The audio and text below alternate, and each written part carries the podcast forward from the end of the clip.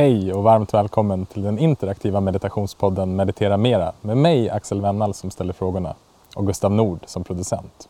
Det här är ett speciellt och ett litet annorlunda avsnitt. För det här avsnittet handlar om att åka på retreat. Och jag ska intervjua ingen mindre än poddens egna producent Gustav Nord som ska åka på sitt första retreat någonsin. Vi sitter just nu mot en husknut vid skylten till Olofsfors som ligger strax utanför Avesta i Bergslagen för att delta i Vipassana-gruppens åtta dagars tysta retreat under ledning av Jenai Postelnik och Katrin McKee från Gaia House i England. Detta är mitt tredje tysta retreat och som sagt Gustavs första. Och vi hoppas att det här avsnittet ska kunna ge dig som lyssnar en ofiltrerad inblick i hur det kan vara att åka på retreat. Men innan vi sätter igång så vill jag punktera att det finns många olika typer av retreats. I Vipassana som vi åker på nu och i många andra former sker de under så kallad ädel tystnad. Det betyder att man åtar sig att inte kommunicera på något sätt, varken med tal eller gester med de andra deltagarna, så länge den här tystnaden pågår. På de flesta retreatsen brukar man dock alltid ha en kontaktperson om man har praktiska frågor och sedan får man ställa frågor till lärarna gällande själva meditationen. Men alla retreats sker såklart inte under tystnad och våra egna retreats med Breed-In är till exempel inte tysta. Och betydelsen av att åka på retreats skiljer sig också från person till person. För vissa är det ett måste. Och i den vetenskapen som finns och den forskningen på meditation så tenderar den att visa att retreat stärker förändringar i kroppen, i hjärnan och i våra beteenden bättre än att meditera regelbundet hemma. Och det kanske inte är så konstigt med tanke på att man under dessa dagar lägger alla sina åtaganden åt sidan och bara mediterar. För egen del så har de retreatsen jag varit på varit avgörande för mig själv. Jag har fått många insikter om meditation och närvaro, men det har också varit en möjlighet att lära känna mig själv. Jag hörde någon säga att åka på ett tyst retreat är som att gå i terapi ett par år. Kanske stämmer det, men jag vet inte. Samtidigt vill jag också poängtera att retreats inte är för alla och att all meditation, oavsett vart och hur länge den är, är troligtvis till nytta för dig. För det är mental träning, oavsett om du gör det i en minut eller i en vecka. Man skulle kunna dra liknelsen att åka på retreats är som att vara med i en extremsport. Till exempel som att åka Vasaloppet. Du behöver inte åka Vasaloppet för att kunna njuta och ta del av allt det härliga som längdskidåkningen ger dig. Men om du åker Vasaloppet så kommer du säkert lära dig mer om dig själv, dina mentala och fysiska gränser och kanske hur viktig den här tekniken är. Lite så har det i alla fall varit för mig med ett retreat och därför tycker vi att det är värt att utforska i det här avsnittet. Men tillbaka till avsnittets gäst. Gustav Nord är uppvuxen i Sundsvall men bor idag i Stockholm. Han är utbildad journalist och arbetar idag som medieproducent och driver produktionsbolaget Flipflop Interactive. Gustav är också producent till just den här podden och är verkligen den som ska ha allt beröm om du tycker att den är bra. Han är också medgrundare med mig till Breed In där vi arrangerar kombinerade meditations och äventyrsretreats. Och han är vår äventyrsguide. Och just äventyr brukar stå högst på hans agenda då han bland annat besökt Patagonien, Alaska, Himalaya och Östafrika. Men nu så ska han ge sig in i ett inre äventyr. Nu, nu spelar jag in. Fint, eller hur? Ja, superfint. Verkligen. eh, Ja, jag vet inte. Vi sitter som sagt här i Olofsfors. Det är ungefär 20 grader och det känns som att våren är på väg att bli sommar. Verkligen. Hur är läget? Jo, det är bra. Jag kom precis att tänka på vilka inre berg det finns att bestiga. Hur höga är de? Jämföra dem med de yttre. Mm. Nej, det känns jättebra. Ja, eh, det är ju så grönt här också. Man blir alldeles tagen. Och så varmt. Så här varmt har det inte varit i år i princip. Och vi har redan träffat lite andra deltagare, vilket är lite så nervöst. Men de verkar trevliga men ganska tysta. Vilket inte är så konstigt kanske. Eh, Jag har inte varit på någon retreat. Jag har ju nästan aldrig varit på en arrangerad resa ens. Förutom våra då. Mm. Så det känns eh, nervöst och spännande. Eh, Och så är jag hungrig också. För vi har ju fått checka in här och eh, skrivit in oss och du har fått en, en roomie Mm, per. Och eh, har även skrivit upp dig för att göra, man gör en syssla 45 minuter per dag som är en meditativ syssla. Mm. Vad valde du då? Hacka saker i köket. Mm. Kändes perfekt. Jag gillar verkligen att hacka grejer. Ja, härligt. Mm. Ja, jag själv ska diska Ja, eftermiddagen. Gud vad roligt. Ja, Ja, men det var lite kul för om man diskar efter middagen då får man tydligen gå först i kön och käka först. Inte dumt. Nej. Det fick inte jag veta. Ja, ja. Du, ehm, även om det här är ett lite speciellt avsnitt Mm. så eh, tycker jag att det vore fint att börja med en landningsmeditation. Verkligen. Så eh, oavsett vad du gör och vart du befinner dig som lyssnar så eh, låt oss bara ta en stund att eh, rikta vår uppmärksamhet till eh, här och nu.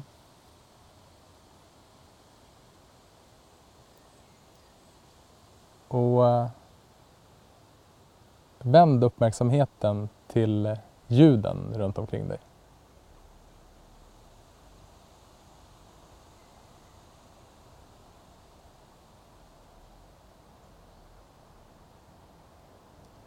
Oavsett vad du hör just nu så bara nyfiket lyssna. Och försök sedan bibehålla din uppmärksamhet på ljuden.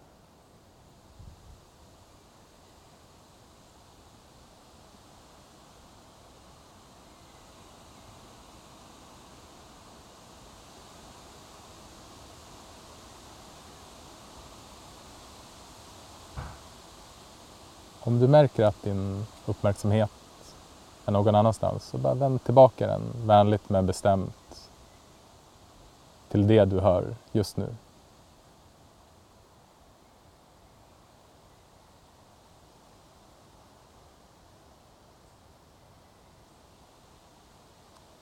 Okej, det var en kort landningsmeditation. Tack. Mm. Det enda som hörs här det är susande björkar. Bra objekt för meditationen. Ja, verkligen. Magiskt. Gustav, när eh, började du meditera? Jag hade någon kort period för kanske tio år sedan när jag eh, testade någonting som heter Ascension. Som jag efter det inte har kollat upp och kan inte så mycket om. Men det var en, eh, det var en slags mantra-meditation där man bygg, gjorde sitt eget ma- mantra. Och eh, eh, jag har ju kanske inte förstått den meditationen så mycket förrän jag började meditera igen sen för, jag säger alltid två år sedan. Ja, jag tror att det är det fortfarande. Eller om det är två till tre år sedan. Men i samband med att vi lärde känna varandra. Det är väl två till tre år sedan. Ja. Så att, eh, ja. Och då var det ju ja, mest med hjälp av Headspace. Nu. Och det använder jag fortfarande. Eller nu använder jag, eh, om jag använder appar, vilket jag oftast gör, så använder jag främst nu eh, Waking Up, Sam Harris. Vad har du märkt att meditationen har gett dig de senaste åren? Jag tror att den största skillnaden är att jag eh, inte håller fast så länge vid eh, olika känslor som kommer, men främst kanske irritation. Samtidigt så tror jag också att jag har kommit lite närmare mina känslor som gör att jag känner mer än förut. Men sen är det ju lite som, jag kan känna i mitt fall i alla fall, att det, hur mycket jag än tror på meditation, att det är lite som att dricka en ingefärsshots varje morgon som jag också i princip gör. Och sen så blir du inte sjuk på ett halvår. Så är det så här, var det ingefärsshotten eller var det att du inte fick de bakterierna som du behövde för att bli sjuk? Så att, ja, jag, jag mediterar. Där tror jag att det kanske är, om man får kalla sig själv bra, men jag tror att det är ganska bra för mig att inte meditera för ett visst resultat. Sen hoppas jag förstås att så här, jag ska må bättre och så och att man någon gång kanske får känna någon så här magisk känsla eller så, men det gör jag ju aldrig. Under med, mina meditationer då. Mm. Jag ska i och för sig tillägga att när jag har några gånger eller många gånger då har mediterat i grupp, då känns det väldigt speciellt. Då kan det kännas ganska mycket. Hur kommer det sig att du valde att åka på det här retreatet? Ja, du har ju pratat om retreat och du har varit på tio dagars eh, Goenka och så. Och det har känts som att okej, det där kommer jag ju vilja göra. Om jag är intresserad så kommer jag vilja slash behöva göra det snart eller till slut. Men att jag inte riktigt varit redo för det. Och sen något halvår, år efteråt så berättar de att det, det här var på gång, vilket är sju dagar. Och då kändes det så här, ja sju dagar, det är bara det är tre dagar mindre än tio, men det är fortfarande sju dagar mer än mina tio minuter per dag. Liksom. Så att, eh, det, var, det, var, det var på den vägen, det är ju ditt fel. så är det ju. Eh, har du eh, några förväntningar på de här sju dagarna? Ja, det har man ju. Jag har lite svårt att se dem, men något som är säkert är ju att alla som vi har pratat med hittills om retreats och som jag har pratat med annars också är ju frälsta. Och de nämner förstås att så här, det är jättejobbigt, men också att de får ut otroligt mycket av det. Det är ju omöjligt att inte lyssna på det. Det är ingen som har sagt, eller som jag har träffat, som har sagt nej, det gjorde ingenting. Det här är liksom bara släng i sjön. Liksom. Så att, eh, det är klart det finns en ganska stor förväntan men där finns det nog en större rädsla som inte är så påtaglig men att liksom så här, ja, det kanske inte ens är så jobbigt och jag kanske inte får ut någonting av det. Mm. Men då har jag ju haft sju dagar i solen i, i Bergslagen med mig själv. Det är inte dumt heller. Liksom. Så jag, jag, jag, skulle säga att jag är ganska nollställd men eh, intellektuellt så tänker jag att jag inte är det. Mm. Man har alltid förväntningar så. Eller jag, jag har det. Finns det någonting som eh, du läst om eller som du har stött på i guidade meditationer som du hoppas kanske kunna se lite tydligare under den här retreatet? Alltså, finns det någonting du... Ja absolut. Alltså, eh, där Sam Harris som jag lyssnar på mycket nu i Waking Up, han pratar mycket om att man inte har något huvud. Och det har inte jag förstått. Jag fattar typ vad han menar jag fattar vad han menar men jag, man måste känna det också. Mm. Och det, jag har inte upplevt det än. Nej. Och det tänker jag så här, det hade kunnat varit kul. Ehm, samt det här med att släppa egot då. Att för mig så handlar det, eller handlar vet jag inte, men att man är att det, det är ofta att jag är närvarande men jag har förstått att det finns andra steg eller sätt där man bara är närvarande utan att jag är närvarande. Om hur nu det låter logiskt eller inte. Men ja, jag skulle vilja ta min prak praktik djupare helt enkelt. Mm. Du nämnde tidigare att du hade en rädsla för att, att det kanske inte skulle vara så jobbigt som du hade hört vissa eller att det kanske inte skulle ge de resultaten som du hade hört andra prata om. Mm. Finns det någonting annat som, som du är rädd för eller som du har någon rädsla för när det kommer till att åka så här sju dagar och vara tyst? Förutom det materiella, alltså yttre världen, att man stänger av mobilen, att det händer något, att någon dör eller att lägenheten brinner upp, så tror jag faktiskt inte det. Jag känner mig rätt trygg. Jag tror att det hjälper säkert en del att du är här. Även fast vi inte kommer att prata heller. Men det känns liksom så, det känns rätt etablerat. Liksom. Mm. Så att, och det här stället är magiskt. Det verkar ligga mitt i ingenstans och det tycker jag är rätt skönt. Jag tror jag hade tyckt att det var lite jobbigt om det hade varit om man hårdrar om det hade varit mitt i stan och så ska man gå runt och vara tyst där. Det, den prestigelösheten har jag inte nått till. Liksom. så jag tror, nej, jag tror att det är fint. Hur känns det att vara tyst över en vecka? Hur länge har du varit tyst förut? Vet du det? Ja, jag tror att jag vet det för jag har ensamvandrat. Fast i och för sig, då möter man någon då och då men det blir ändå stora sjok av, av tystnad. Och, och så, så säger man något till sig själv till slut och då inser man att just nu har jag varit tyst ett tag. Men, nej, men så några dagar har jag varit tyst. Men det har ju inte varit av eh, den anledningen då. Så det, jag tror att det, jag menar intentionen är ju det. Eh, situationen och intentionen är väl det viktiga i det, det sammanhanget. Tänker jag. jag tror att det kommer vara skönt. Vi ska snart gå in och få vår första middag och sen därefter så kommer vi gå in i den så kallade ädla tystnaden. Mm. Har du några frågor till mig?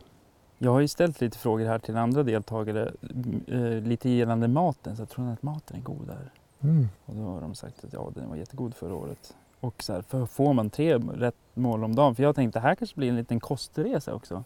I att kanske inte äta 120 procent varje gång. Men det ska tydligen vara tre måltider här om dagen. Och det är en risk att äta mycket för att det är så gott så att det, det får vara så då. Eh, frågor till dig annars? Ja, hur känner du det? Jag känner mig enormt peppad. Ja. Och det känns fantastiskt att vara här. Jag pratade med min syster igår mm. och hon frågade varför åker du inte bara till en strand? Mm.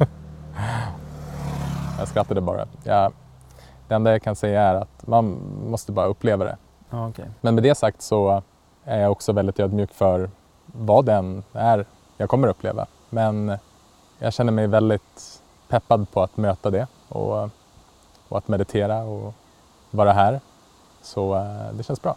Du har ju varit på retreats förut och då har det ju, vad jag har förstått, så har det varit jobbigt stundom. Absolut. Väldigt jobbigt till och med. Absolut. Tror du att det kommer vara det nu också? Det ska bli spännande att se hur det kommer vara, kännas i kroppen för att sitta mycket gör ont och jag har idrottat i 30 år men stretchat i ett och ett halvt så Mm. att jag är enormt stel så att jag Mm. oftast brukar det kännas för mig kring höfterna ganska mycket när jag sitter vid längre.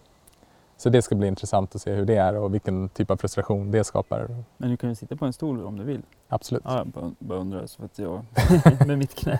Tror Ja, nej, man kan sitta precis som man vill. Ehm, Det som eh, jag har noterat när jag suttit längre är att just den här skräddarställningen hjälper en att eh, hålla sig fokuserad och Ja. vaken. för att det gör ont. Ja, dels det, men också för att det är en väldigt alert position. Ja. Eh, Det upptäckte jag förra retreatet, Mm. varför, varför folk sitter så. ja. Eh, En annan intressant eh, sak som jag har noterat för mig själv är att när jag varit på de tidigare retreaten så har jag mått väldigt bra på morgonen och i synnerhet efter frukost. Mm. För att sen, och hela förmiddagen fram till lunch och sen har alltid eftermiddagen varit som att liksom ta ett trappsteg ner Okej. eh, i, i ett sämre mående. Mm. Och sen på kvällen så börjar det liksom bli bättre igen. Så att mitt, eh, mitt humör har verkligen skiftat över Mm. en dag. Så det ska bli spännande att se om det kommer vara likadant här. Kanske gör det varje dag för dig. Säkert. Bara att man går runt i något sus och dus hemma. Ja, nej, definitivt. Nej, men för jag tänker att det är ju det, kommer kräva mycket energi att vara fokuserad så Mm. mycket som de vill att man ska vara. Nu kommer man inte kunna vara det förstås, men förhoppningsvis så mycket som möjligt. Mm. Ja, shit alltså. Det är 50 pers här som man inte ska... ska får man kolla folk i ögonen? Vet du vad? Jag tror att man inte ska göra det. Nej, nej, nej. Utan eh, inte kommunicera med varken gester eller ögonkontakt eller metall. nej. Prata. När man kliver ut från toaletten man, vill varna någon. Det är bara att hålla min. Det är så man egentligen vill göra. Man vill bara titta ner och gå snabbt förbi. Alla sociala koder, det är liksom... Ja, det är bara ut genom fönstret. ja. Ja, vad skönt. En sista sak innan vi går in i vår tystnad är väl ett råd som, som jag kan ge till oss bägge två och som jag fick av eh, Anna Wickfalk innan jag åkte på mitt första retreat. Och det är att vara snäll mot sig själv. Mm. Det är så många gånger man kommer behöva vända tillbaka uppmärksamheten. Man kommer få möta många delar av sig själv och det kommer säkert vara saker som bubblar upp. Så att ha medkänsla med sig under den här veckan är så himla viktigt. Mm. Och det hjälpte mig så himla mycket att komma ihåg det på mitt första retreat. Mm. Så det är en, en sak jag vill påminna mig själv och skicka med till dig. Mm. Och en annan sak är att, att verkligen följa instruktionerna och ge dem all sin uppmärksamhet under de här åtta dagarna. Och sen efter det kan man utvärdera hur det var. Mm. Exakt. Okej kompis? Ja, Några famous last words? in i det man. kör vi!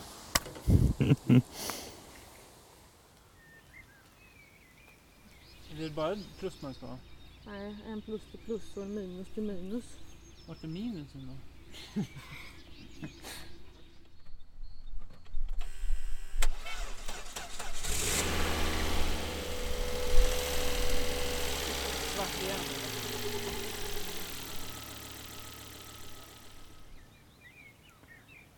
Det är lördag eftermiddag.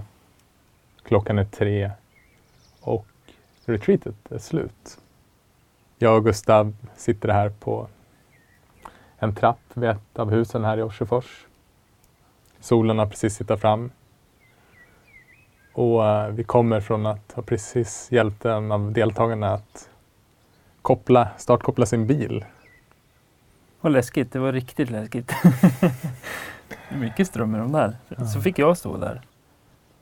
Fint av dig. Ja, det var enormt fint. jag känner tacksamhet för mig själv. Så um, om tempot nu är lite långsammare så får ni ha förståelse med att vi inte har pratat varken med varandra eller överhuvudtaget de senaste åtta dagarna. Utan den ädla tystnaden släpptes på här vid frukosten i morse. Och efter det så har vi haft en chans att prata med deltagarna och städa klart här. Och eh, nu ska vi snart åka tillbaka mot tågstationen men innan det så är jag väldigt nyfiken på hur det här retreatet har varit för dig. Men hur känns det bara just nu att sitta här? Nej, men ja, det känns eh, mm, jättebra. Jag ja, mår väldigt bra just nu. Jag har fått ett nytt redskap som är att man känner efter i kroppen. Det eh, låter helt sjukt förstås, men det är någonting som jag insett att jag inte gör så ofta, eller inte har gjort. Det är lätt att få för sig att man aldrig har gjort det, men det kanske man har. Men nu, så, nu är det väldigt påtagligt och det, eh, det är eh, inte dumt. Mycket, mycket som sitter i kroppen. Kan du beskriva när, när du säger att du känner efter i kroppen, hur, hur gör du då och hur blir du medveten om hur det känns i kroppen? Um, just nu så har jag en så påtaglig känsla i magen som är så pass påtaglig att, den liksom, att med den här veckas, veckan då vi fokuserar på kroppen så känns den väldigt så uppenbart. Så. Men annars så kan man ju ja, skanna igenom kroppen lite och se om det är något som känns eh, på något sätt. Eh, och, eller om det inte känns alls, så då är det så. Det låter som att du har fått mer kontakt med din kropp. Ja, gud ja. Gud. Och det är väl det som jag insåg under tiden att så här, just det, det var, det, det var namnet på det här retreatet. Bodying the awakened heart. Va? Mm. Så att eh, det är ja, eh, jättenice. Jag kom hit för att komma lite närmare mina känslor. Och många känslor, om eventuellt inte alla sitter i kroppen också. Så att, och det hade jag inte tänkt på. Mm. Ja. Så en insikt på insiktsretreatet. Ja, gud ja. Mm. En, en av många. Du, jag tänkte, kan vi inte börja med att du får ta oss igenom hur en dag såg ut här på retreatet? Jo, gärna. Då är det eh, uppgång klockan sex. Då kommer det en eh, person och ringer en, en eh, skål, eh, singing bowl. Och sen är det eh, gympa på gräsmattan, frivillig. Eller tai chi eller eh, Lättare kroppsrörelse har vi gjort. lättare kroppsrörelse. Sen det, har det varit eh, morgonmeditation i 45 minuter, kvart i sju. Frukost i 45 minuter följt av yogijobb. Eh, allt det här sker i tystnad då förstås. Och yogijobbet som jag hade var att skära grönsaker som var supernice. Eh, och du diskade. Jag diskade på kvällarna, eftermiddagarna. Mm. Sen tillbaka till hallen, alltså meditationssalen för typ 45 minuter meditation, 45 minuter gående meditation, 45 minuter meditation, 45 minuter gående meditation. Sen lunch. Långt lunchbreak, två timmar ungefär. Ja, jag tror till och med det var lite drygt två timmar. Ja. Sen tillbaka, sittande, gående, sittande, gående. Ja. Middag. Sen sittande eller stående, gående, dharma talk, gående, sittande. Och sen är klockan halv tio och då är det borsta tänderna och sen så gick jag och la mig i alla fall. Men Mm. då kunde man fortsätta meditera om man ville. Jag kände att det var, var helt okej för mig som brukar meditera tio minuter om dagen annars. Till tio timmar. Oh my god alltså. Mm. Så ser det ut. Repeat. När du inte har mediterat, vad har varit härligast då?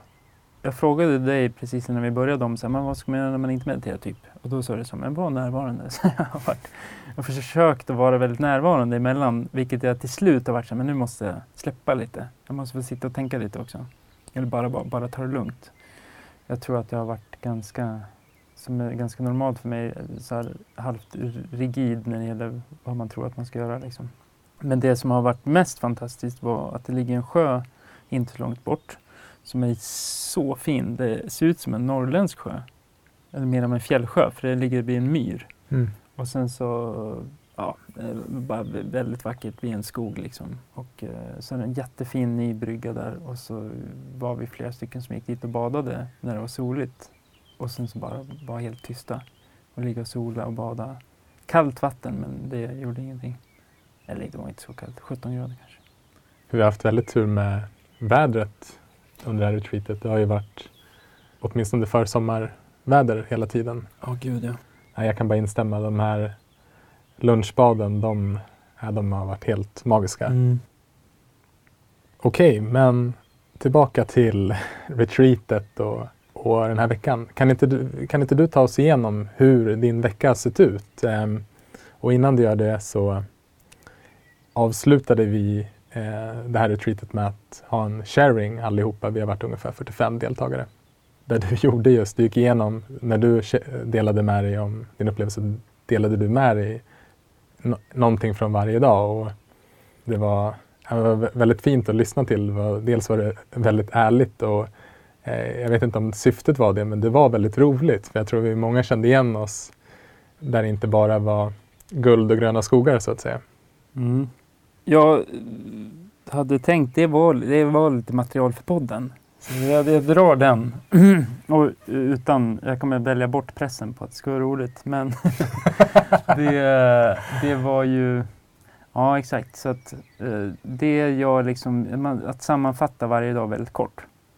Så första dagen så, jag kunde inte vara vaken. Alltså jag somnade och somnade och dagdrömde och dagdrömde. Jag hade inte en ja, vad säger man, en klar stund eller en tom stund på två dagar minst, men särskilt första dagen. Och Catherine, ena läraren, hon sa att är man ung och frisk så är det lätt att man somnar när man är tyst. Vilket försöka ta som en insikt. Men ehm, eh, så det var den första dagen, sova, sova, sova. Andra dagen så var det en sång. På kvällen så, eller vi sjöng inte men vi gjorde liksom, ja vad gjorde vi? Hummade. Vi hummade och nynnade kan man säga. Ja exakt, lär- som en slags chanting. Ja, mera som ljud som skulle komma så man skulle verkligen känna att de kom från kroppen. Ja exakt, ganska så relativt gutturala liksom. Ja. För det fick mig att tänka på såna här gamla, ja, såna här stamsånger och Ja, jävligt läckert. Men då så gjorde vi det och det var väldigt mäktigt och jag brukar inte sjunga eller vara så bekväm med det och det var som sagt ingen sång men att göra sådana ljud från mig överhuvudtaget men det var väldigt härligt för det så brummade i hela bröstet. Och vi höll på länge och sen bara alla samtidigt slutade. Det var riktigt mäktigt alltså. Då rös jag i, i en minut nästan, vilket är väldigt länge för en rysning som vanligtvis går över väldigt snabbt. Det var superläckert. Dag tre så då var det, då hade jag en av de här, alltså att man inte var uttråkad men alltså den gående meditationen innan lunchen tog fan aldrig slut. Den var så jävla lång. Det är liksom, det är bara, åh, hur många gånger kan man gå fram och tillbaka på en gräsplätt liksom? För det ska poängteras då att i den gående meditationen så har man en sträcka på, i det här fallet hade vi 8 till 10 meter och syftet är att du med full närvaro och kontakt med kroppen ska gå fram och tillbaka på den här sträckan. Och som sagt, det här gjorde vi då i, i de längsta fallen, 45 minuterna. Och jag, kan ju, jag kan ju bara skratta intygande. Jag känner igen mig så mycket i det här. Jag tänkte det, det tog aldrig slut, Nej. de där gående meditationerna. Det var, ja. Det var enormt viktigt för att, att sitta, om jag hade suttit hela tiden, vilket det kanske är på vissa retreat. Ja. Ja, fy fan alltså. Det, här, det var ju, hade vi inte haft de här gående, det, jag, det var väldigt härligt för mig. För då kunde jag, särskilt de första halva retreatet, kunde jag vara närvarande då. För att annars satt jag bara och dagdrömde. Liksom. Ja, eh, dag fyra, på trean så hade vi också, då hade jag två saker och på kvällen, så vi, jag satt ju längst, jag visste inte det här, men när man är på retreat då första gången man sätter sig så sitter man så resten av veckan. Och när man, det makes sense nu, men så jag hamnade längst bak i rummet, typ inga, inga kud, eh, någon kudde, ingen filt. det gjorde ingenting, men att sitta längst bak, jag har haft hu- en lätt, lätt, lätt huvudvärk hela veckan. Och jag tror att det är för att jag har ansträngt ögonen så mycket för att titta så långt i ett rum på eh, Catherine och Jenai när de pratar.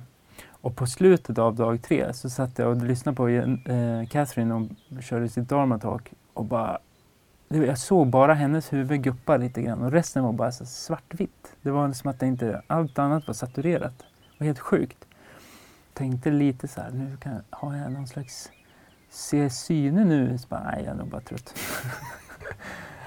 Men det var lite, ja, det var lite speciellt. Mm. Dag fyra så badade då, Du hade ju varit vid sjön tidigare. Det hade inte jag. Så kom jag dit så var det lite folk där, så var det hur vackert som helst ju. Och så gå i det där vattnet eh, utan att det, det var kallt men det kändes inte kallt. Och ja, jag älskar ju att bada. Så att eh, det var helt perfekt. Och så bara gå upp och lägga sig på en fin brygga och bara soltorka.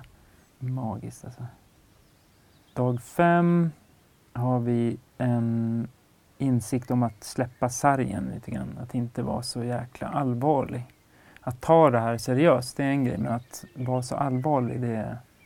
Och, och annars också, är, är nog ganska allvarlig. Så det var skönt att i den stunden släppa det. Jag vet inte hur mycket av en insikt det var. Jag hoppas att det är det, så jag tar med mig det. Mm. Det låter som det. Ja, det var, det var, det var skönt och jag menar, ja, dag sex så var, kom en, en stor insikt. Det var att jag gillar selleri. Eh, och jag, när jag kom på det, för det har varit selleri i var, maten har varit helt fantastisk här. Mm. Och det har varit selleri i nästan varje ma ma maträtt och vanligtvis så tycker jag inte om det så mycket. Och så satt jag och käkade, bara, fan selleri är jävligt gott alltså. Det är så här syrligt men inte citron och det är så här, hur ska jag kunna använda det här? Så inser jag så här, jag gillar ju det här. Och började garva för mig själv för att det så här, nu fick jag en insikt i alla fall. jag har något att ta med mig. Mm, ta med mig. Och sen då i, igår, eh, dag sju, då, då på, på kvällen efter eh, en del chanting och, och, och så, så, så fick jag en riktigt fin, enligt mig då, meditationsstund. Inte första gången på veckan, men nästan. Vad betyder det? Ja, men att ehm, det var lätt att komma till eh, inget, en chans att fördjupa. Och jag fördjupar inte så ofta. Eh, Men nu så fick jag en liten chans att göra det. Och det fann, fanns definitivt en förväntan över att okej, åker man iväg till ett ställe som är väldigt lugnt och mediterar tio gånger om dagen ska man fasen få lite fördjupning. Liksom. Mm. Men det var knappt. Mm. Sen gör inte det något, känner jag nu. Men under veckan så gick jag ju och märkte att oj då, jag har med mig en massa förväntningar här. Mm. Ja, och sen idag, för nu är ju retreatet över, det är bara vi kvar här. Så ja, när vi delade, vi, vi, alla fick ju en chans att säga någonting om de ville och jag tänkte, jag tänker ofta att jag behöver inte ta någon plats och så här. Så då, men jag kände att jag ville ändå säga något men jag visste inte vad och hm, ska jag och den här nervositet av att säga någonting inför en hel grupp, älskar det. För det känns så bra. Det, är- det, är, näst, det är ungefär samma känsla som nu i kroppen. Då. Ungefär samma känsla som lycka för mig. Eh, att vara nervös beroende, beroende på vilken nervositet förstås. Men ja, jag hade inte bestämt mig om jag skulle säga något. Så, så, så till slut, efter 30 pers, så sa du någonting.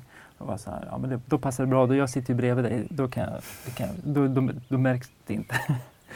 och så pratade jag och då berättade jag det här då. Och eh, det var så jäkla härligt att dela. Och då kände jag som starkast på hela retreatet. Om det nu är det man är ute efter. Vilket jag definitivt hade en förväntan med mig om Mm. att jag skulle känna starkt under retreatet. Mm. Så det var super, super härligt. att rida på den vågen. Det behövde liksom inte vara... Det kanske inte bara behöver vara inom sig själv man ska hitta lycka liksom. det kan vara i relation till andra också. Absolut. Det var retreatet i, i fullo och i korthet. Mm. Jag hade själv en upplevelse när jag hade en av de här gående meditationerna. Mm. Och då blev gräset helt suddigt. Det fanns inga konturer kvar. Mm. Så allting bara liksom... Jag tänkte, wow, det här kan vara en häftig meditativ insikt. Och sen blinkade jag och så var det precis som vanligt. Så det var, det var, Men var det är det där, man, går, man, man har ju det i sig att man ska leta efter något. Ja.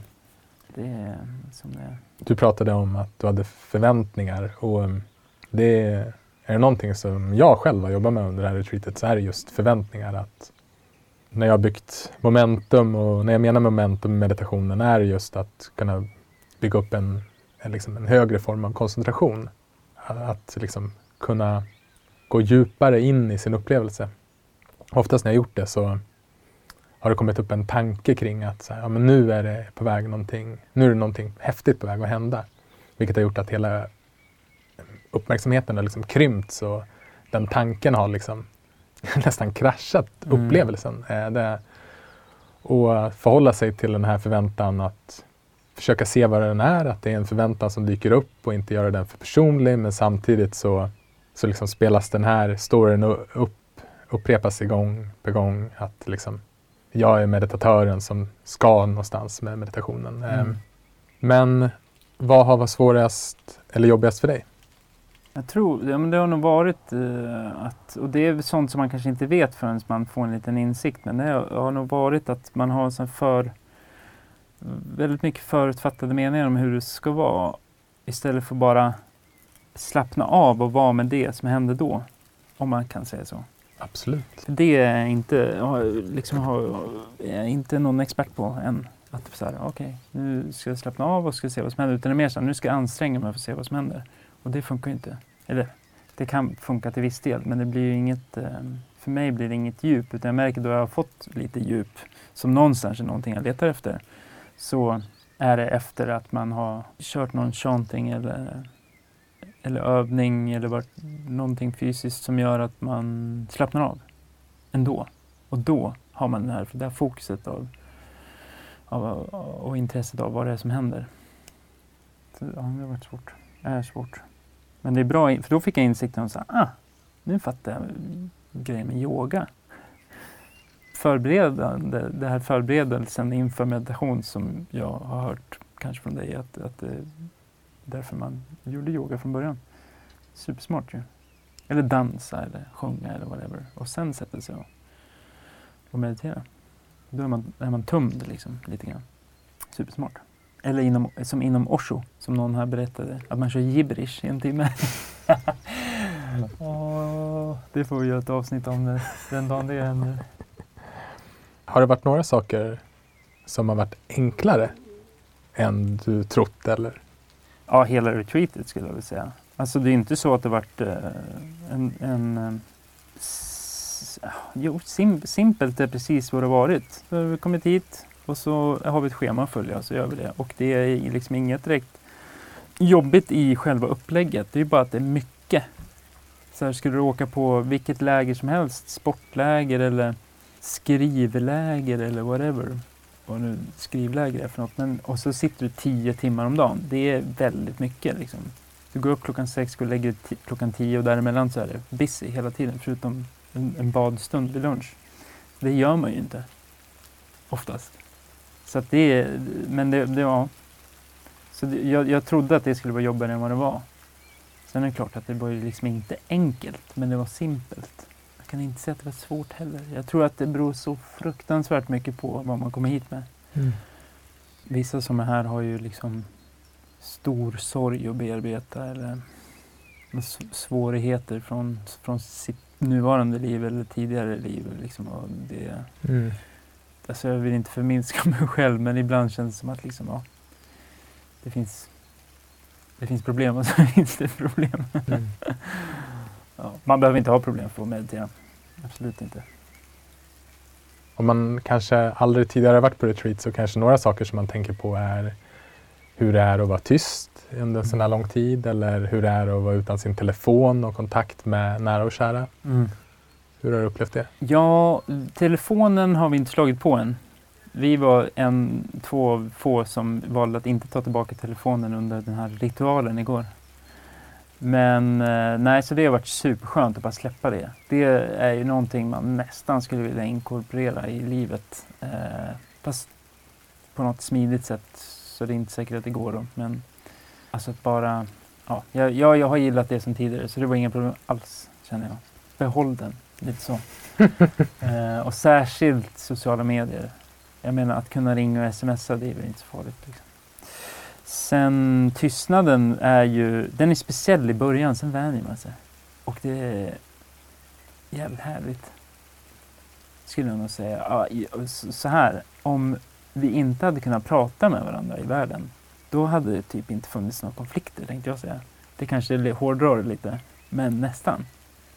Man går här och så kanske man, jag har inte stört mig så mycket, men man har hört att, eh, att man kan störas på väldigt små saker. Eller så här, men så går det fem minuter, sen, bara, sen är det borta. Mm. Eller om det är någon större sak så går det en dag och sen är det borta. För du kan ju inte säga något till någon annan. Du kan inte, får inte kommunicera. I och för sig, min, han som jag såg med, han snarkade. Och eh, då fick jag säga till. eh, det gick liksom inte annars. En sak som händer mig och som jag tror händer många när man går in i tystnaden att man blir väldigt känslig för ljud. Och eh, det är inte så att alla är helt tysta hela tiden utan det finns en manager för retreatet och det fanns två kockar och eh, även några som bor här på den här kursgården Norsefors. Så att man hör samtal ibland och jag märkte själv att jag var så enormt känslig när jag hörde ljud som på något sätt jag inte räknade med att höra. Mm, som exempel. exakt. Och till och med så pass som så att när vi var och badade så började jag störa mig när folk simmade för de plaskade så himla högt. Jag ville bara att det skulle vara tyst. Så det var också en sak att jobba med för mig själv. Ja, den är riktigt sjuk alltså. Mm. Det ska ju poängteras att det här har ju varit ett buddhistiskt retreat. Mm, verkligen, det hade jag inte heller tänkt. Nej. Alltså jag hade. Hur upplevde du det och på vilket sätt märkte du att det var ett buddhistiskt retreat? Och jag får ju tillägga att där läser man instruktionerna så står det ju säkert. Jag har ju åkt hit ganska mycket på, eh, vad säger man, inte måfå men på god vilja. Mm, det var ju du som bjöd med mig. Och tänkte att det, nu ska vi vara tysta i sju dagar och meditera. Men det var ju buddhistiskt och det eh, var, märktes ju på, på grund av att allt eh, som det pratas om från lärarna eh, härstammar från Buddha och att det liksom är en form av buddhism som de pratar om. Eh, men det gjorde ingenting för allt de sa kunde jag relatera till och tyckte var, liksom, innehöll mycket visdom och det var aldrig att de liksom någonstans försökte tränga på med någon form av formalitet som skulle kunna påminna om någonting religiöst. Så att jag tyckte att det, det fick mig bara fick, fick mig att öppna ögonen för buddhism. Liksom, mer, mer intresserad av vad, vad som döljer sig bakom någonting vi i, i västvärlden kallar för religion. Och som vi bara tänker på som att ja, men du vet, det är hinduism och så buddhism. Mm. Det tror jag att det är den allmänna uppfattningen om man inte riktigt har någon koll på det. Medan vad jag förstår så inom buddhismen så kallar man det inte för en religion. Det är en, en väg. Så att, ja, ja det, det skulle vara kul att läsa lite mer om tycker jag. Nej, men det fanns ju några inslag i det här retreatet i alla fall som är såklart komna då från buddhismen. Men jag tänker bland annat på att i slutet på retreatet så eh, lärarna och de som har jobbat med retreatet, de, eh, de får inte betalt utan någonting som kallas stana, alltså generositet. Att alla deltagarna får välja själva vad de vill ge, är ju ett sådant inslag.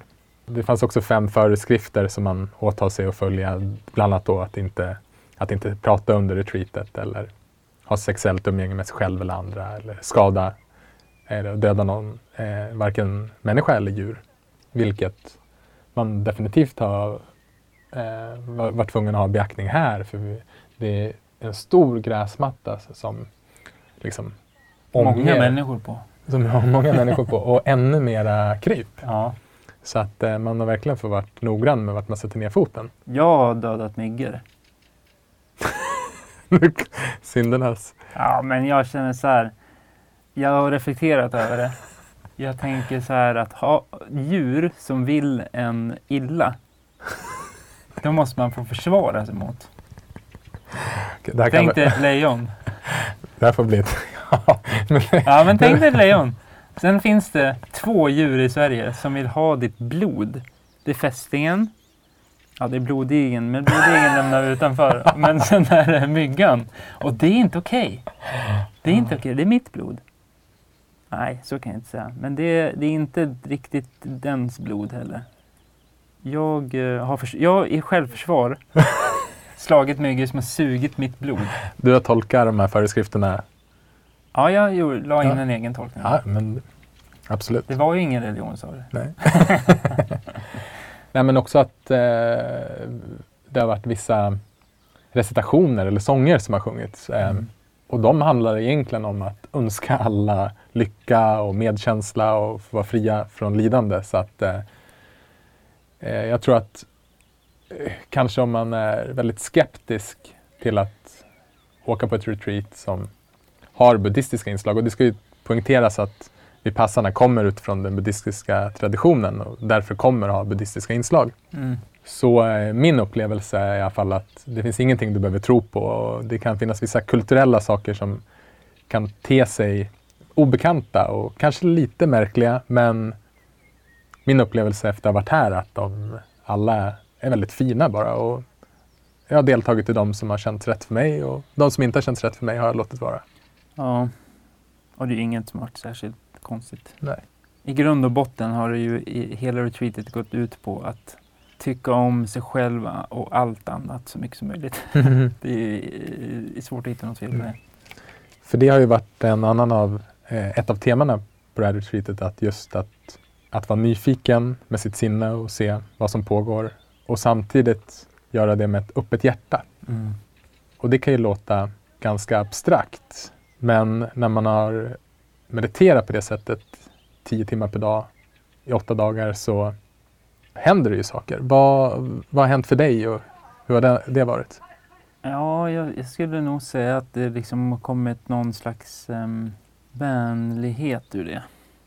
Mot mig själv, men också mot andra.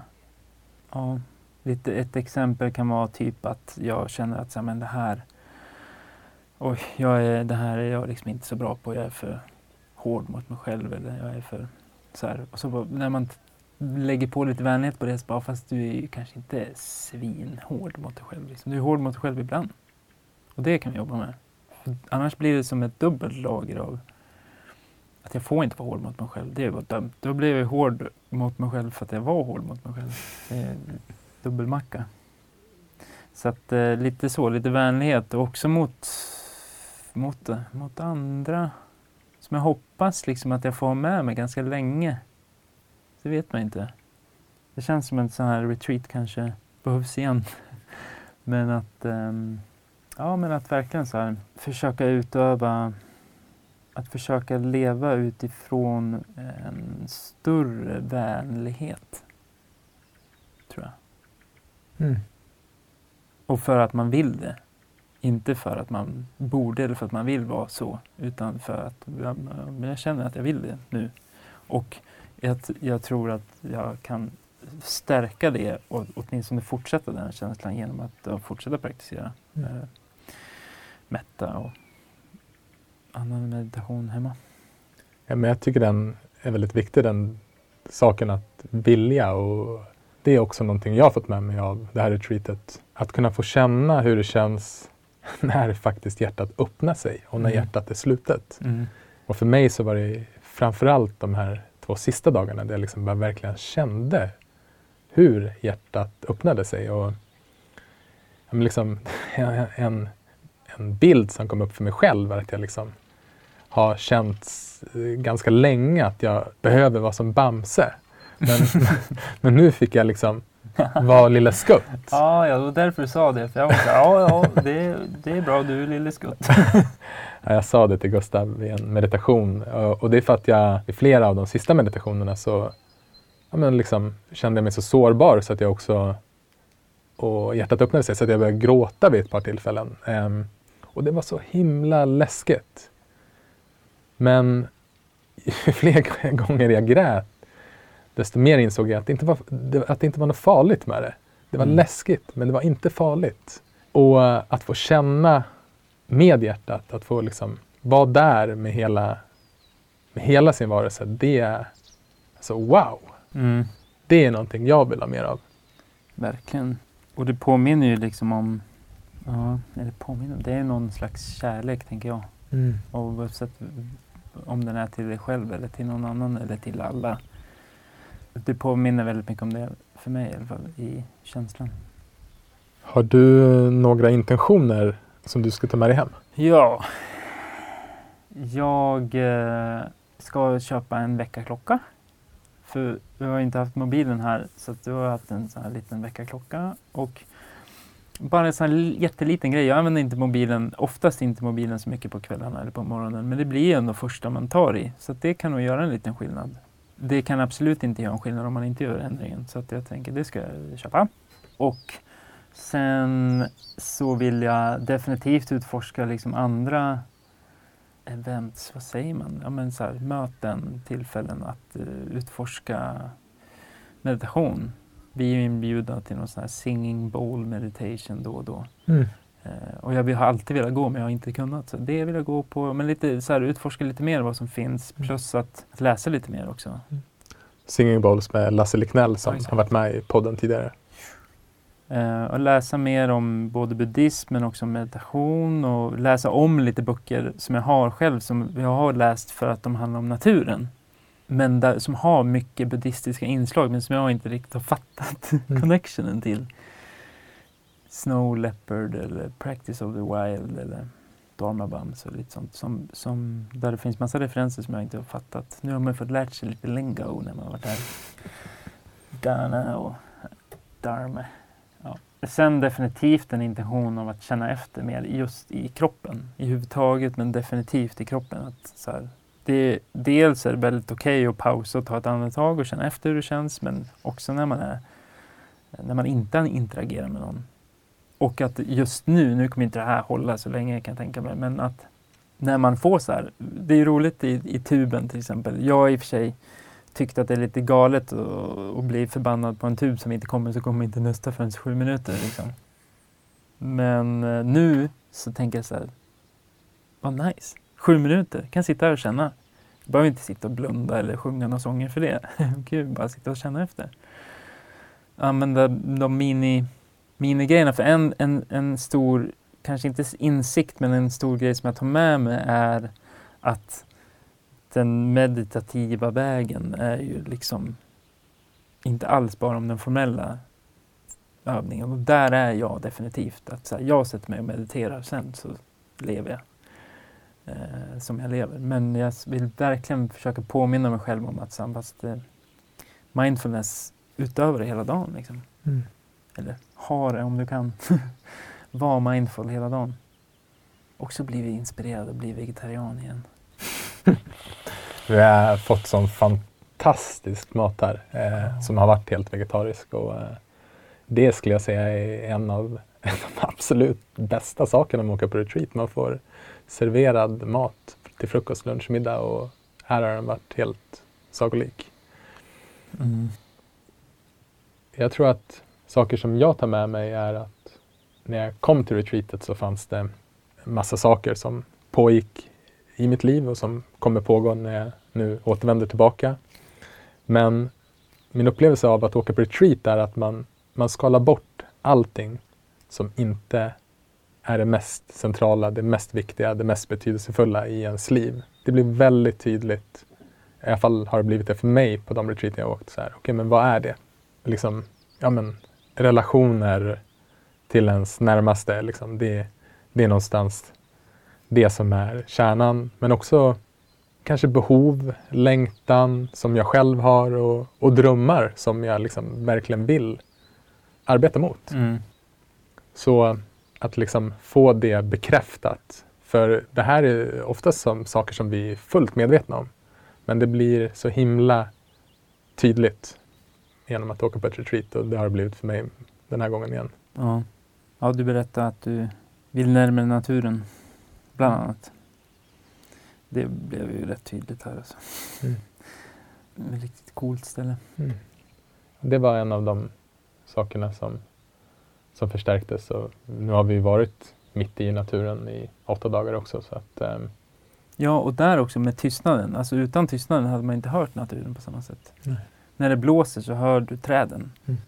Och konstant ch- chatter från fåglarna och vattendrag och humlor och... Nej, och en annan sån stark insikt för mig var längtan efter att få barn. Mm. Lycka till!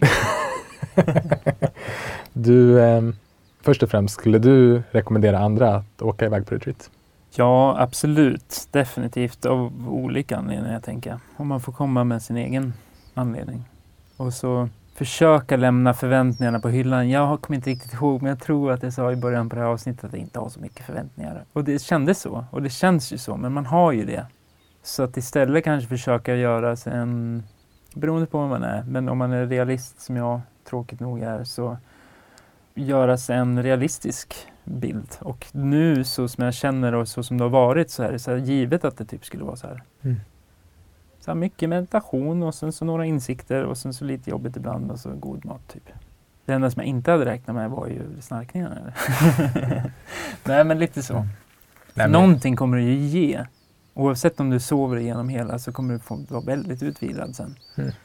Men det gör du mest troligt inte. Det händer grejer i kroppen. Liksom. Och har du bra lärare som vi hade nu, då är det liksom jätte, det är jätteintressant. Det är nya liksom infallsvinklar och bara möta mycket så här, vänlighet gör en gott.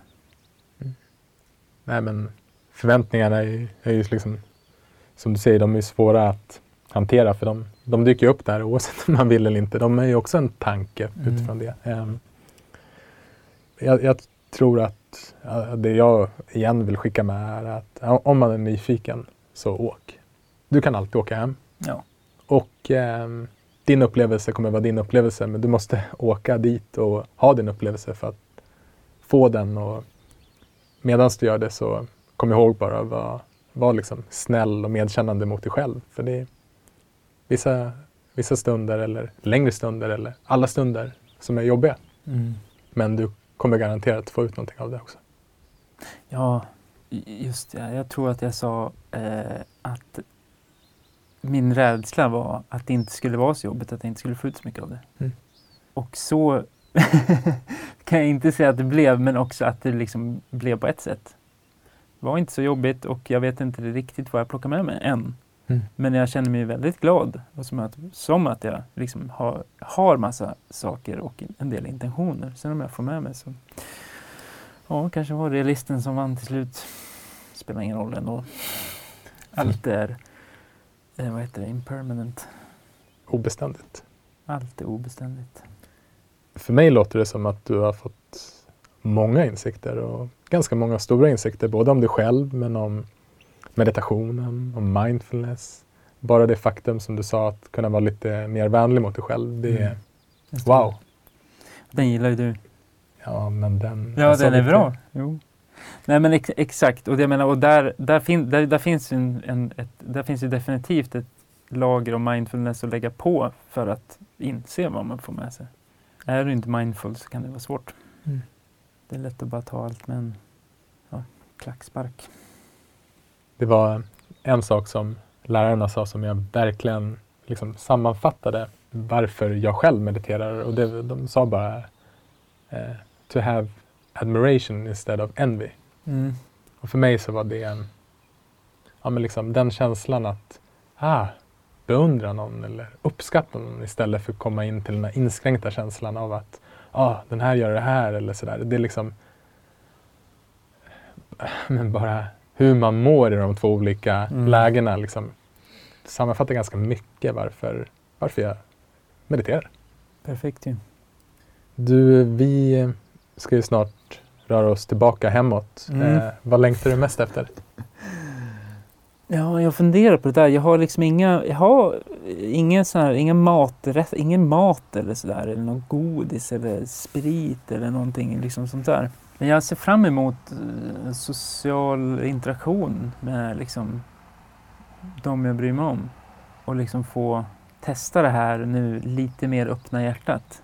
Och, och också liksom se i en, någon annans ögon, någon som jag bryr mig om, vem jag är som kommer tillbaka. Lite så, utan att liksom, det är värsta livsomvälvande grejen som jag varit på samtidigt som det är det. Så liksom, eh, jag tror att man kan se ganska mycket i det. Glömde du inte ett avsnitt av Game of Thrones nu? Oh. I måndags runt klockan nio så dyker Tyrion upp i mitt huvud. Helt sjukt. Jag, har inte tänkt på, jag hade inte tänkt på Game of Thrones. Och, bara, och det enda jag ville göra var att gå och viska i ditt öra. Ni, ni, ni, ni, ni, ni. Och så tyckte jag att jag var så jävla rolig så jag gick och kucklade för mig själv. Jag, jag vågade inte göra det. Nej, du gjorde inte det. Va, hur hade du reagerat? alltså, jag, jag, hade nog, jag hade nog blivit irriterad. ja, exakt, exakt, exakt. Ja, Ah, det. ju sägas då att eh, det sista avsnittet av, Game of Thrones gick då i, i måndags kväll medan vi var här. Så att, eh, ja. Se vem, det. Är vem det som... det du längtar efter? ja, men det, det, det är liksom en av sakerna som kommer upp. Inte att jag längtar så mycket efter, men det ska bli kul att se det avsnittet och se vad, hur det faller ut. Um, Det kommer vara jävla antiklimax. Nej, Jag längtar jättemycket efter eh, min Anna. Eh, Hon åkte till New York innan jag åkte hit. Så vi har inte sett varandra på länge så det ska bli fantastiskt att få träffa henne och jag hoppas att, för det var en annan insikt jag fick, att jag liksom kommer på mig själv att jag liksom hamnar mycket i göra och planera och nu ska vi gifta oss till höst så vi har en del saker att planera men, men liksom det jag längtar efter det är att bara få vara med henne. Liksom det, det är där livet händer om man säger så. Ja. Och det är lätt att hänt att, att jag själv projicerar ut det. Men det är mitt ansvar att, liksom, att vara istället för att göra. Ja. Så det ser jag fram emot. Tänkte också på det under tiden här. Om man hade kommit in som... Man behöver inte vara alien för att komma in här. Men om man kommer in bara som någon annan på den här kursgården så liksom ser det ut som ett sinnessjukhus. Folk står bara upp och ner och så här går fram och tillbaka i korta sträckor och tittar rakt ner i marken. Hade vi haft vita rockar på oss och så liksom ingen personal som tar hand om Helt sjuka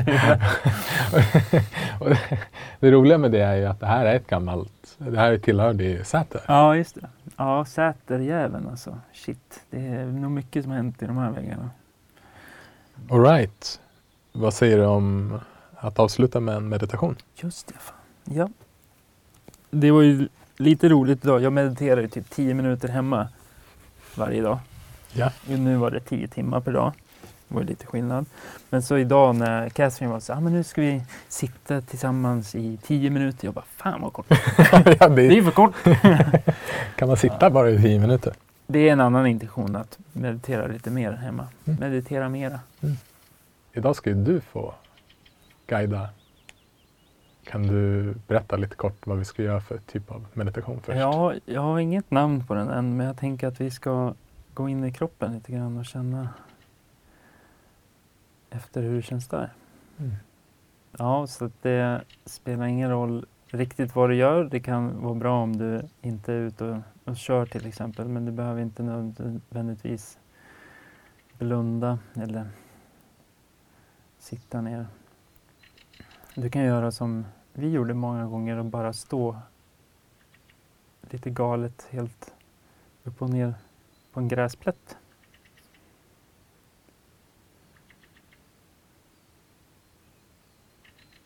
Så kan du börja med att hitta ett andetag som kroppen vill ta. Och ett tips som jag fick härifrån är att du andas ut och så andas du ut lite till och så håller du andan ett tag. Och när du känner att du behöver ta nästa andetag så låter du det ske automatiskt från kroppen.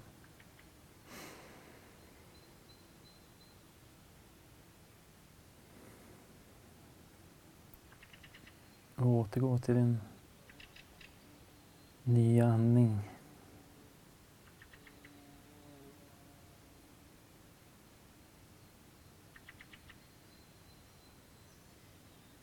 Så kan du känna efter där du har kontakt med marken eller jorden.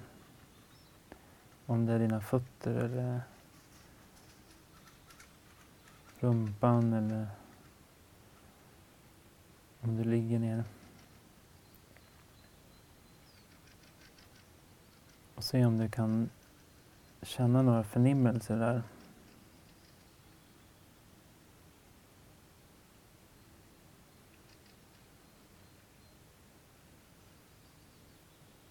Och vad du än känner, om det är starkt eller ingenting. Se om du kan hålla dig kvar där.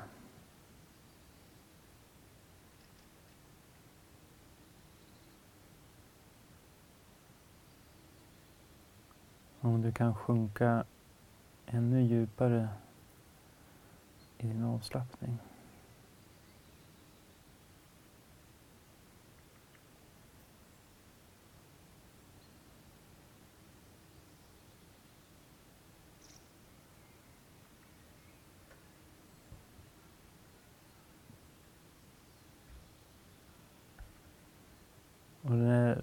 Någonting annat kommer att pocka på som drar i din uppmärksamhet så kan du föra tillbaka uppmärksamheten till där du har kontakt med marken.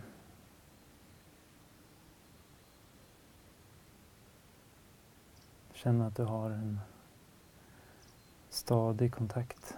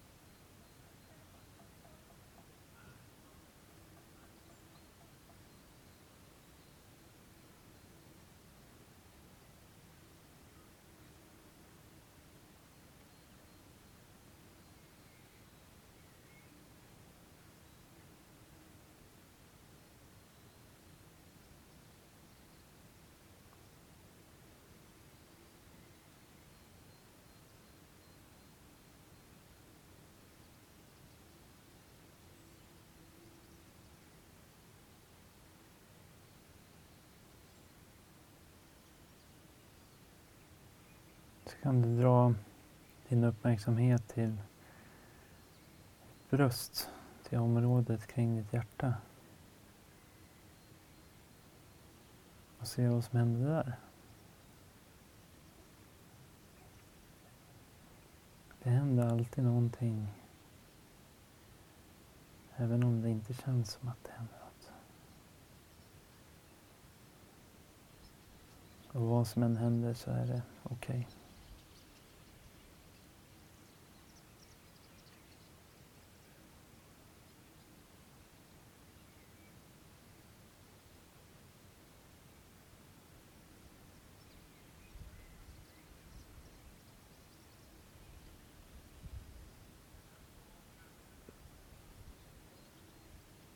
Kan ta ett djupare andetag eller känna om det andas åt sidan eller bakåt eller framåt eller allt tillsammans. Och se vad som dyker upp i bröstet då.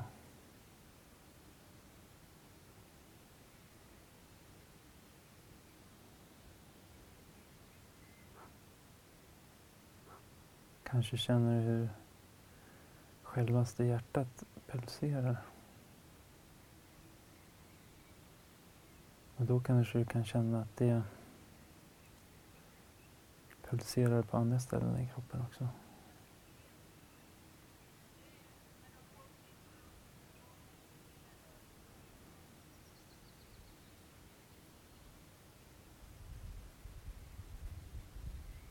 Känn efter vad du känner just nu.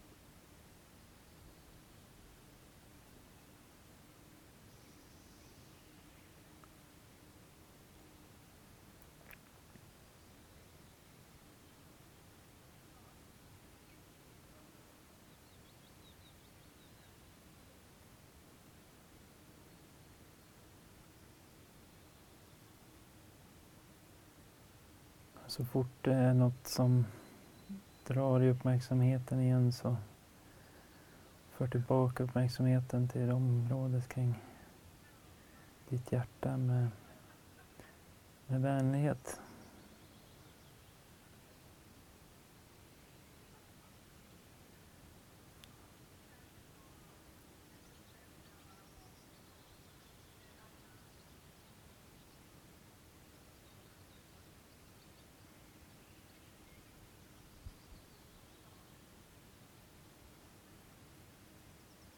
Kanske vill du lägga en hand på bröstet.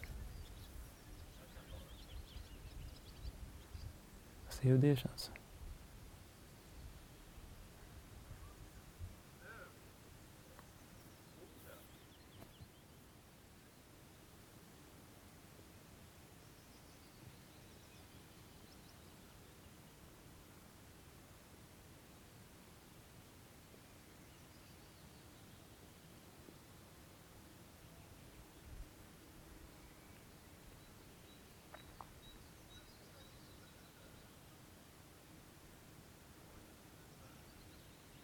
Föra tillbaka uppmärksamheten till de områden som har kontakt med marken eller jorden.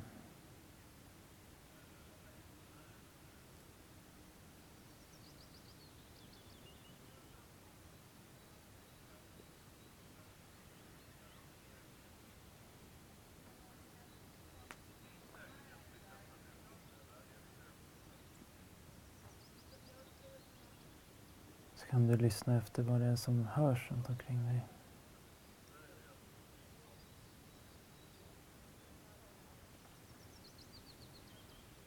Och i din egen tid komma tillbaka och öppna ögonen.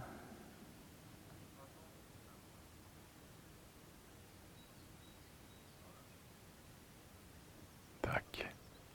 Tack. Jävla fint här alltså. Mm. Hela veckan så har det varit nå små fröer som flyger runt i luften. Små vita bollar. Det har varit fullt vissa dagar. Mm. Det har varit så vackert. Och nu är det bara några, några. Det är som att det snöar uppåt. Mm. Och väldigt fin meditation. Fin avslutning på det här retreatet. Verkligen. Okej, som sagt, det här var ett litet speciellt avsnitt från oss och eh, vi vill bara tacka dig som har lyssnat. Vi hoppas att du har fått med dig någonting, kanske om du är nyfiken på att åka på retreat eller om du har varit på retreat innan eh, av eh, Gustavs och min upplevelse här. Och vi som gör den här podden är jag, Axel Wennhall, som ställer frågorna och Gustav Nord som producerar och som idag har varit den som blev intervjuad. Och tillsammans så driver vi också Breathe In där vi arrangerar kombinerade meditations och äventyrsresor och såklart gör den här podden. Och eh, du som är nyfiken på att åka på retreat kanske har frågor. Det kanske fanns saker som du undrar som vi inte diskuterade nu. I så fall så kan du mejla oss på hi.breathein.se så kommer eh, Gustav eller jag eller vi tillsammans såklart att svara på alla eventuella frågor som du har. Det finns faktiskt också ett community på Facebook som heter just Meditera Mera och som ligger under Breedins Facebookgrupp. Där är du också varmt välkommen att gå med och ja, ställa frågor eller inspirera andra eller diskutera. Det är ett öppet forum för alla som är intresserade av meditation. Och um, jag tänker att jag lämnar över den här sista punkten till dig Gustav. Nej. Jag bara yes, vad ska han säga? Vad tar han med sig från mig?